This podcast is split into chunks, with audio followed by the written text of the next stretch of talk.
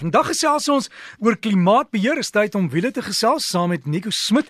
En Nico, klimaatbeheer is dit maar net 'n moderne weergawe van 'n lugreëling of hoe?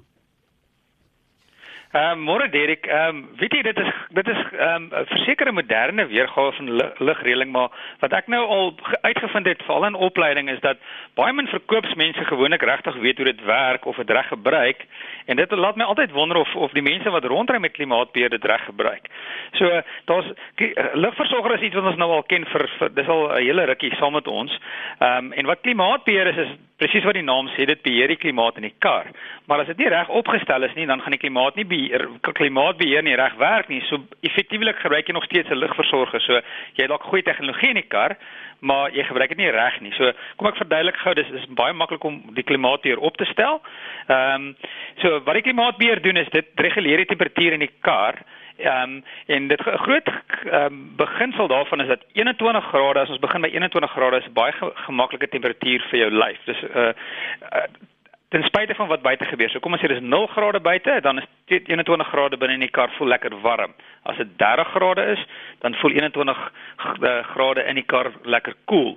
So die klimaatbeheer beheer die, die, die temperatuur in die voertuig deur self die die waier stadiger of vinniger te maak outomaties en self te besluit moet ek die lug by jou voete blaas of in jou gesig blaas of bo in die windskerm. Met ander woorde, dit kan heeltemal die temperatuur beheer in die voertuig en party voertuie het eh, het een sone met ander woorde dis uh, net die die een kar party kan bestuurder en passasier party voertuie het selfs wat hulle noem 'n vier sone klimaatbeheer met ander woorde bestuurder passasier en die twee persone agter kan elk ehm um, verstellings hê. So hoe weet ek ek het klam klimaatbeheer as jy 'n auto knoppie sien so knoppie op die lugversorger gedeelte met ander op die klimaatbeheer wat sê auto dan weet jy jy klimaatbeheer.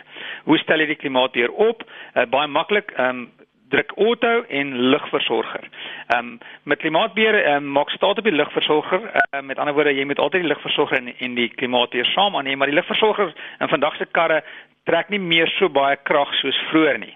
Baie voertuie is daar selfs 'n knoppie wat sê eco wat dan beteken die lugversorger gaan 'n bietjie minder krag trek, maar die eerste stelling is auto is aan en ligversorger is aan en dan sal jy sien daar's 'n temperatuur gedeelte met die klimaatbeheer. Partymal is dit elektronies, met ander woorde jy stel die die nommers elektronies. Dit ge begin gewoonlik by low en dan sal dit 17, 18, 19. Partymal is dit 17.5, 18, 18.5. En party is met iets wat jy moet draai, maar daar's altyd daar's altyd 'n temperatuur ook by by klimaatbeheer. So auto aan uh lugversorger of aircon aan en dan begin jy by 21 grade.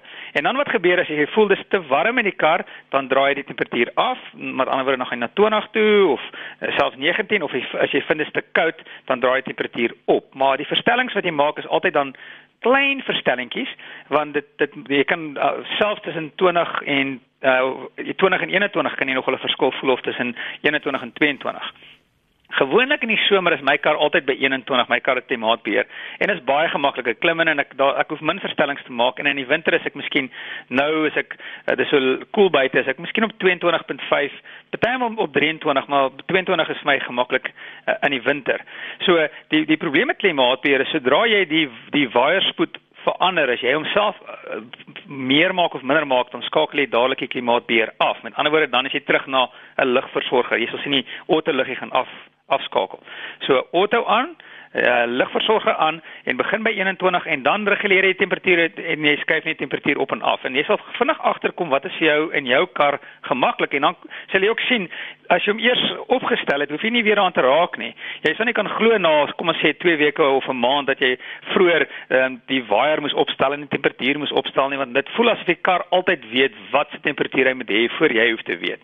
Een ding ook nog 'n laaste dingetjie vir die somer wat wat baie maal gebeur, sê maar jou kar het in die son gestaan, dan is dit baie warm in jou kar en die klimaatbeheer moet daai warm lug verplaas met koue of met koue lug. So wat ek byvoorbeeld doen wat vir my baie goed werk, is ek nader aan my kar stap meeste voertuie is nou so opgestel as jy jou kar se afstand beheer vat en jy jy druk die oop knoppie en jy hou die oop knoppie in, dan sal die vensters almal oopmaak as jy elektriese vensters het.